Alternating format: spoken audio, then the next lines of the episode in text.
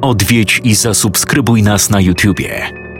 Bądź na bieżąco z nowymi filmami i słuchaj jeszcze więcej mrocznych historii. Mystery TV Więcej niż strach.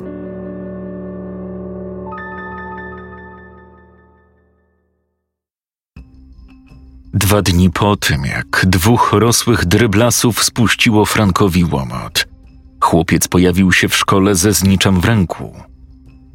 Do ósmej było jeszcze kilkanaście minut, więc trzynastolatek miał sporo czasu, by zapalić znicz i uczcić w ten sposób pamięć tragicznie zmarłego kolegi.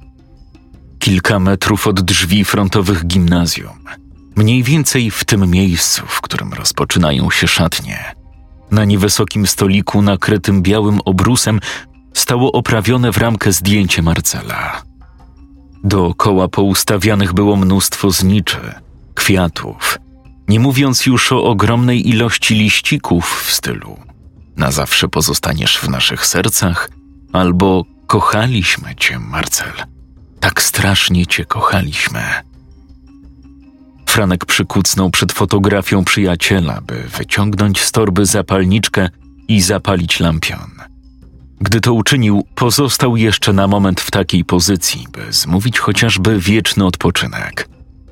Już miał się podnieść, kiedy usłyszał za plecami głos pani Doroty. Mógłbyś mi, kochanie, pomóc wynieść na śmietnik powypalane wkłady? spytała szkolna woźna, którą Franek tak bardzo lubił i tak bardzo szanował. Jasne, do lekcji mam jeszcze sporo czasu. No to znakomicie. Nie będę musiała chodzić dwa razy. Powyciągaj zużyte wkłady i chodź za mną. Pani Dorota także nachyliła się nad zniczami, by również zabrać jakąś część plastikowych wkładów. Nadal miała te swoje fioletowe włosy, a Franek nie mógł zrozumieć, dlaczego kobieta w jej wieku farbuje się akurat na taki kolor. Przecież nie jest już nastolatką. Oboje udali się na podwórko, na tyły gimnazjum, gdzie pod płotem stał wielki kontener na odpady. Bardzo ci dziękuję. Nie ma za co. To przecież nic wielkiego. Pewnie już wcześniej wspominałem, że Franek i pani Dorota znali się od dawna. To na nią zawsze mógł liczyć, kiedy jako mały chłopczyk w podstawówce, w której wtedy pracowała, potrzebował czyjejś pomocy. Długo macie dziś zajęcia? Nie, dziś akurat kończymy o 12.30, bo odwołali nam WF. Aha. To powodzenia. Dziękuję. Też życzę miłego dnia.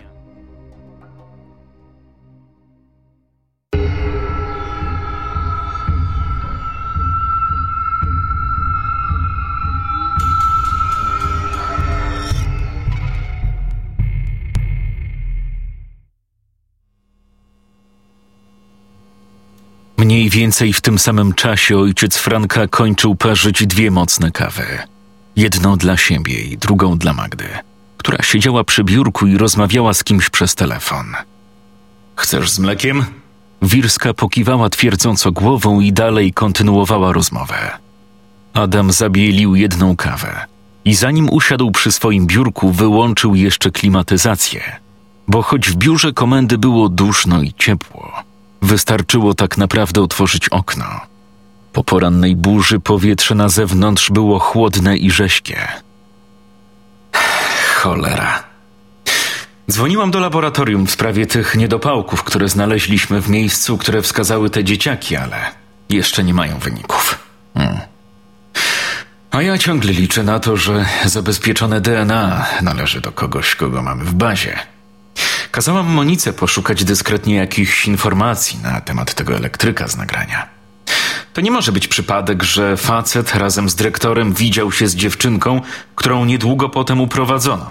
I po trzech latach sytuacja jakby się powtarza. No dobrze, to jest co najmniej dziwne. Ale wytłumacz mi, jaki oni niby mieliby mieć motyw, żeby porywać te dzieciaki. Podsumujmy. Trzy lata temu Karpacki urządza w podstawówce w Piotrowicach żywą lekcję historii, na którą zaprasza rzekomego elektryka z gimnazjum, w którym jest dyrektorem. Facet ten zachowuje się na lekcji. O, dziwnie. Według tego, co mówiły wczoraj przynajmniej te dziewczyny. Tak, Niedługo potem znika dziewczynka, która najpewniej uczestniczyła w tych zajęciach. I w czasie jej zniknięcia w pobliżu szkoły kręcił się jasny dostawczak, a raczej stał na parkingu pobliskiej stacji. Mhm. Niecałe trzy lata później elektryk znowu pojawia się na zajęciach Karpackiego, tym razem w gimnazjum u nas w mieście i robi dzieciakom wykład o prądzie, podczas którego również bardzo nietypowo się zachowuje. Mamy dowód w postaci nagrania. A niedługo potem jeden z chłopaków z tej klasy znika bez śladu. Po kilku miesiącach porwany zostaje Marcel, kolejny dzieciak z tej samej klasy. I to porwany taką samą furgonetką, jaka trzy lata wcześniej kręciła się w pobliżu szkoły, do której chodziła uprowadzona Bianka. Po kilku dniach odnajdujemy ciała trójki dzieci.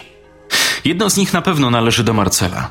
Pozostałej dwójki jeszcze nie zidentyfikowaliśmy, ale czas, w jakim zwłoki pozostawały w ziemi, może oznaczać, że to ciała Bianki i tego chłopaka, który zaginął kilka miesięcy temu.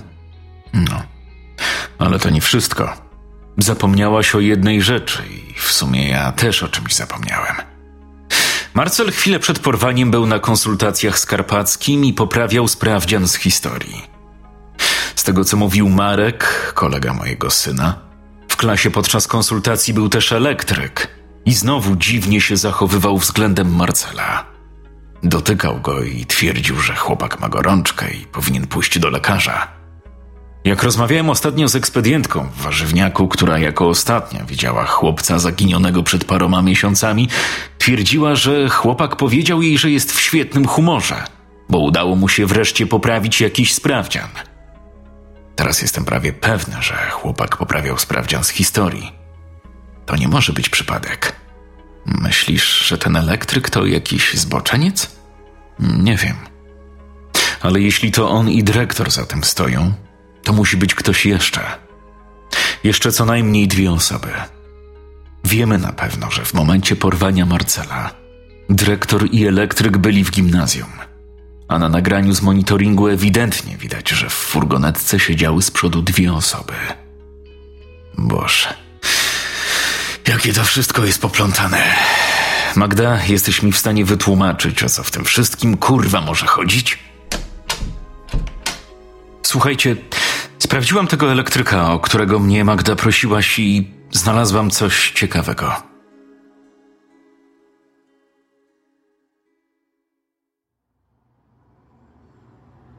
Franek, pozwól ze mną na momencik.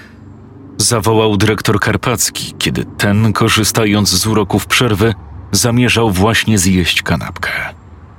W zaistniałej sytuacji zmuszony był jednak schować pudełko śniadaniowe z powrotem do plecaka i podążyć za dyrektorem do sali, w której zazwyczaj odbywają się lekcje historii. O, dzień dobry, rzekł chłopiec, wchodząc do sali i widząc dziwnego pana od prądu, który stojąc na drabinie majstrował przy rzutniku.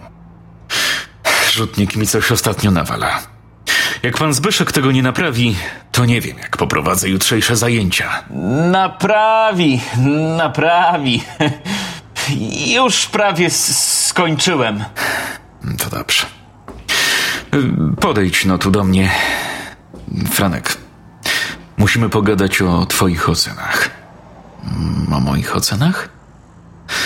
Przecież poprawiłem ostatnio ten sprawdzian i powiedział pan, że spokojnie wychodzi mi trójka na koniec. O, tak mówiłem?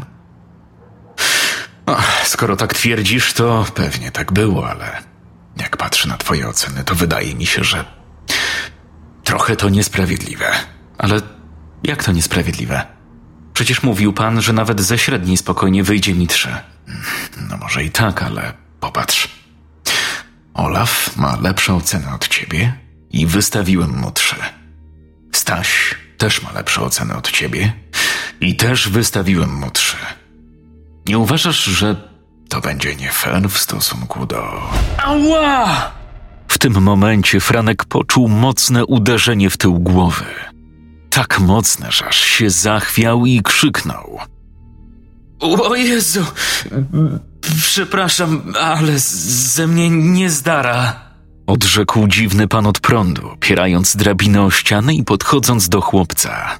No panie Zbyszku, no przecież trzeba uważać. Tak bardzo cię przepraszam. Mam trochę spocone ręce i drabina mi się wyśliznęła. Usiądź.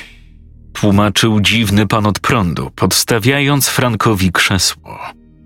Chłopak usiadł z grymasem bólu na twarzy, pocierając ręką o potylicę. Wszystko w porządku? Nic ci nie jest? Okej? Okay? Powtarzał dziwny pan od prądu, nachylając się nad dzieciakiem. Franek miał ogromną ochotę walnąć go w ten ohydny ryj, bo wkurwiały go te ciągłe pytania. Kiedy coś cię boli, po prostu marzysz, by wszyscy zamknęli mordy, a nie pierdolili ci za uchem w kółko jedno i to samo. Tak. Wszystko okej. Okay. Zaraz mi przejdzie. Odpowiedział spokojnie Franek, starając się być jak najbardziej miłym. Może nawet nieznacznie się uśmiechnął. No, oczywiście wymuszonym uśmiechem. No, nie wiem. Nie wiem. Takie urazy mogą prowadzić do wstrząsu mózgu. Tak, może i mogą, ale zrób mi przyjemność i po prostu się zamknij, pomyślał chłopiec, patrząc na rozgadaną twarz mężczyzny. Te jego idiotyczne czerwone okularki i jasną grzywkę, która praktycznie zakrywała mu rzęsy. Poczekaj. sprawdzę, czy nie masz gorączki. Dziwny pan od prądu przyłożył dłoń do czoła Franka. Hmm. Chyba nie masz, ale jeszcze możesz mieć. Ile widzisz palców? Dziwny pan od prądu wyciągnął przed siebie dłoń. Trzy. Odpowiedział Franek, coraz bardziej się niecierpliwiąc. Przypomniał sobie słowa Marka, który twierdził, że dziwny pan od prądu właśnie tak się zachowywał chwilę przed porwaniem Marcela. Mhm. A teraz? Pięć. Ale niech mi pan da spokój. Wszystko w porządku. Muszę jeszcze sprawdzić twoje źrenice. Jeżeli nie są pomniejszone, to znaczy, że jesteś zdrowy. Mężczyzna naciągnął chłopcu powieki i spojrzał mu głęboko w oczy. Franek także patrzył przez tą krótką chwilę w oczy dziwnego pana od prądu. Widział w nich swoje odbicie i coś jeszcze. Coś głęboko, głęboko w nich. Wszystko gra, oznajmił dziwny pan od prądu, gładząc chłopca po głowie, wyrywając go zarazem z dziwnego zapatrzenia. Wiesz co, Franek? Wiem, że masz zaraz ostatnią lekcję i wiem, że jesteś porządnym uczniem. Dlatego dam ci to trzy na koniec roku. Naprawdę? No to dziękuję. Cieszę się, że jednak zmienił pan zdanie.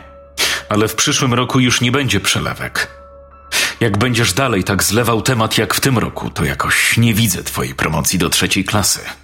Dziękuję. Obiecuję, że w przyszłym roku historia będzie na pierwszym miejscu. Kiedy Franek wyszedł z sali, oszołomiony uderzeniem drabiną i zmiennym nastrojem dyrektora, Karpacki i dziwny pan od prądu spojrzeli na siebie.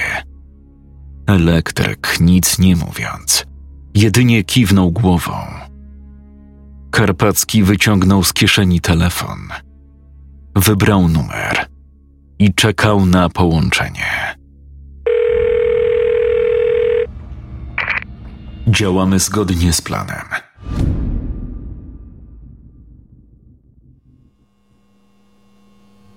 I co tam dla nas masz? spytał Adam, wchodząc z Magdą do sąsiedniego pokoju. Monika, młoda policjantka, która ze względu na ostatnie problemy ze zdrowiem zmuszona była pracować jedynie za biurkiem – siedziała przed odpalonym komputerem. Słuchajcie, udało mi się ustalić, że ten facet z filmiku rzeczywiście jest pracownikiem gimnazjum, do którego chodził zamordowany chłopiec. Nazywa się Zbigniew Kurowski i ma pół etatu jako szkolny elektryk. I to wszystko? No właśnie nie. Sprawdziłam, czy facet był karany, ale wygląda na to, że jest czyste. Poszperałam trochę w sieci i odkryłam coś bardzo ciekawego. Mianowicie, Bracia Kurowscy, Zbigniew i Błażej prowadzili u nas w mieście niewielką hurtownię rybną. To był najwyraźniej jakiś rodzinny biznes. Firma funkcjonowała od połowy lat dziewięćdziesiątych. Upadła dokładnie sześć lat temu. Błażej, starszy z braci, zmarł niecały rok później. Niestety nie wiem, co było przyczyną. A Zbigniew niedługo potem podjął pracę w gimnazjum, w którym dyrektorem został Robert Karpacki. No dobrze, ale co z tą hurtownią? No właśnie chcę wam coś ciekawego pokazać. Teren dawnej hurtowni rybnej wraz z dwoma budynkami znajduje się na obrzeżach miasta, przy ulicy Leśnej 12, praktycznie pod samym lasem. Jeszcze nie sprawdziłam, kto jest obecnie właścicielem tego obszaru, ale czytałam, że budynki są w okropnym stanie, co może świadczyć, że Zbigniew Kurowski nie pozbył się działki i nadal jest właścicielem gruntu. To ta hurtownia? Adam z Wirską wpatrywali się w ekran komputera. To stary artykuł sprzed pięciu lat, napisany po tym, jak przedsiębiorstwo braci Kurowskich upadło. Widzicie na tym zdjęciu coś ciekawego? Adam i Magda nachylili się nad ekranem. Regionalna hurtownia rybna zniszczona przez zagraniczną konkurencję. Brzmiał nagłówek artykułu. Poniżej było sporo tekstu, a pod nim zdjęcie dwóch budynków, będących zapewne budynkami wspomnianej hurtowni. Ale nie w tym rzecz. Po lewej stało coś, co przypominało garaż. Przed garażem natomiast stał samochód. Duży, jasny samochód odwrócony tyłem. Cholera. Magda, pokaż mi zdjęcie furgonetki, którą uprowadzono Marcela. Nie musisz się fatygować. Odparła Monika, kładąc na biurku zdjęcie furgonetki porywaczy, zrobione dzięki kamerze monitoringu przed sklepem monopolowym. Na zdjęciu sprzed hurtowni samochód stoi tyłem. Tu widzimy go przodem. Ale jak dla mnie, to jest dokładnie ten sam model. Facet prowadził hurtownię, więc posiadali taki duży samochód do rozwożenia towaru. Myślę, że musimy jechać do szkoły i porozmawiać z dyrektorem. Zobaczyć jego reakcję, kiedy powiemy mu o naszych podejrzeniach. Trzeba się upewnić, że właścicielem terenu byłej hurtowni jest nadal Zbigniew Kurowski. Załatwić nakaz przeszukania. Monika, zajmiesz się tym. Dam głowę, że furgonetka ukryta jest właśnie tam. Mamy ślady opon z lasu i z miejsca znalezienia zwłok. Wystarczy więc, że porównamy je z tym wozem. I będziemy mieli dowód. Ale dlaczego chcesz teraz jechać do gimnazjum i jeszcze niepokoić dyrektora o naszych przypuszczeniach? Zapytała Magda. Jeżeli jest tak, jak myślimy, dyrektor, ten elektryk i jeszcze co najmniej dwie osoby działają w zmowie. Tylko ich spłoszymy i będą mieli czas, by zatrzeć ślady. Dlatego trzeba wysłać patrol w pobliże hurtowni, żeby poinformowali nas, jak ktoś tam się pojawi. Poza tym, w szkole możemy zastać też elektryka.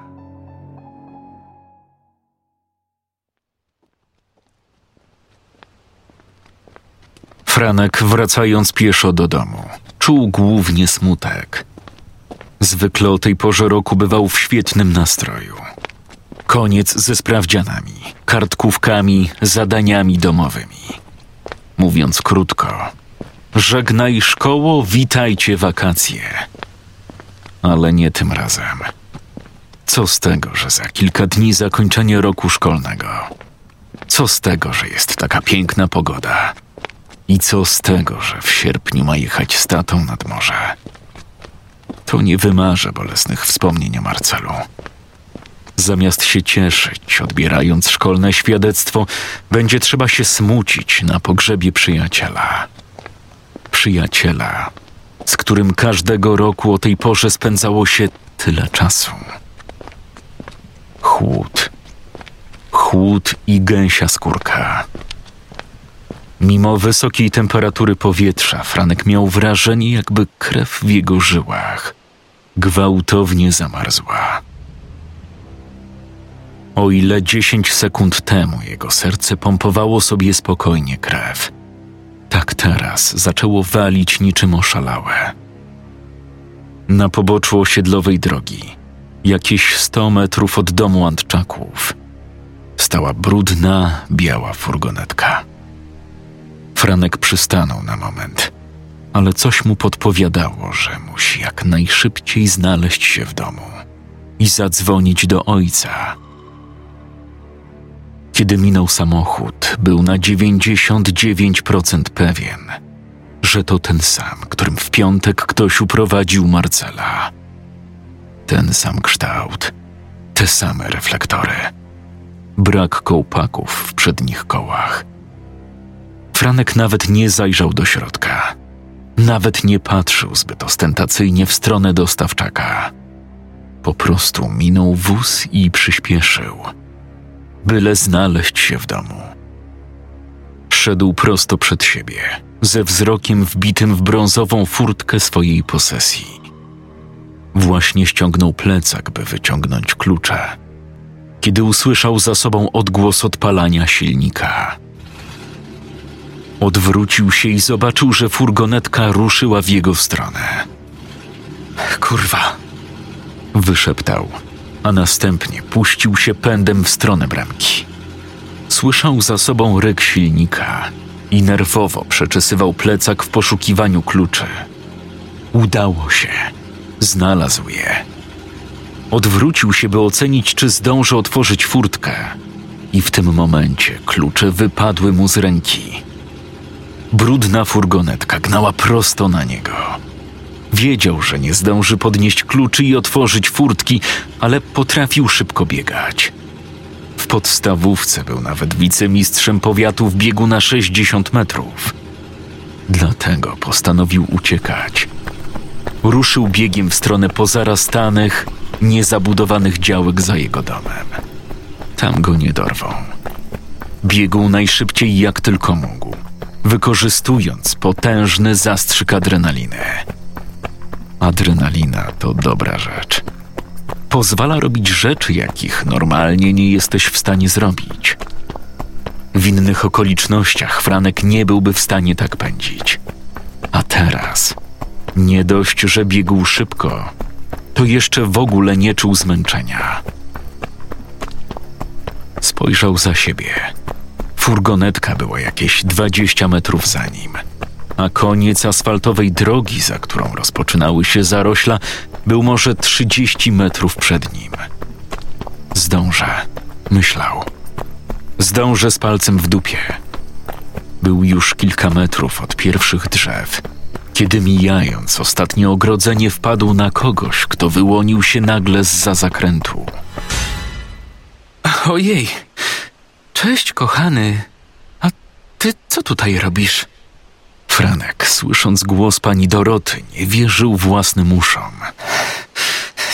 To pani? Co pani tutaj robi? Jak to co? Spaceruję, kochany, spaceruję. Lekarz kazał mi spacerować, bo... Niech pani dzwoni na policję. Szybko! Ktoś mnie goni! Trzymaj go, kurwa, bo zaraz ci ucieknie! Co? Franek spojrzał na panią Dorotę z niedowierzaniem. Już miał uciekać, kiedy ta złapała go za koszulkę. Nie, nie, niech mnie pani puszcza! Wrzeszczał chłopiec, próbując się wyrwać. Już prawie mu się udało kiedy poczuł nagle potworny ból w kręgosłupie. Tak mocny, że aż upadł na ziemię. A masz z kolanka, synu! Krzyknął zachrypniętym głosem wysoki mężczyzna w średnim wieku, nachylając się nad chłopcem. Miał długie, siwe, tłuste włosy i cuchnął potem. Kopnął Franka w twarz – a następnie chwycił go za lewą kostkę i zaczął ciągnąć w kierunku furgonetki. Nie, nie, błagam nie! Krzyczał przerażony chłopiec, próbując desperacko trzymać się asfaltu, co nic nie dawało. Z dłoni zdzierał na skórek, zostawiając za sobą jedynie dwie wąskie smugi krwi. Nim mężczyzna wrzucił chłopca na tyły furgonetki, kopnął go jeszcze raz w twarz. Na tyle mocno, że ten stracił przytomność. Ocknął się po chwili, ale trudno powiedzieć, czy po kilku minutach, czy kilkunastu. W każdym razie, gdy otworzył oczy, leżał skulony na pace furgonetki. Było dość ciemno i duszno. Mimo wszystko widział panią Dorotę, siedzącą na drewnianym pudle tuż obok. Franek miał wykręcone ręce i związane jakąś taśmą. Słyszał warkot silnika i czuł dudnienie. Dlaczego? Dlaczego mi to robicie? To wy porwaliście i zabiliście Marcela. Dlaczego? Ciii. Leż, kochanie. Niech pani coś zrobi. Niech mnie pani stąd uwolni, błagam. Tak mi przykro, Franek. Ale nie mogę. Nie gadaj z tym potworem, bo jeszcze cię omami. Krzyknął ten sam mężczyzna, który chwilę wcześniej pobił Franka i wciągnął do furgonetki. Teraz siedział za metalową kratą w szoferce i prowadził wóz. Miał na głowie czapkę z daszkiem. Dlaczego to robicie? Gdzie mnie wieziecie? Cichutko, kochanie. Za chwilkę będzie już po wszystkim. Uwierz, że tak będzie najlepiej. Dla ciebie i dla innych. A teraz spróbuj się zdrzemnąć. Jak dotrzemy na miejsce, to cię obudzę. Franek ani myślał o spaniu. Chciał się uwolnić. Czuł strach i wściekłość, ale nie mógł nic zrobić. Miał związane ręce i strasznie bolała go głowa. Jedyne, co mógł zrobić, to po prostu rozpłakać się.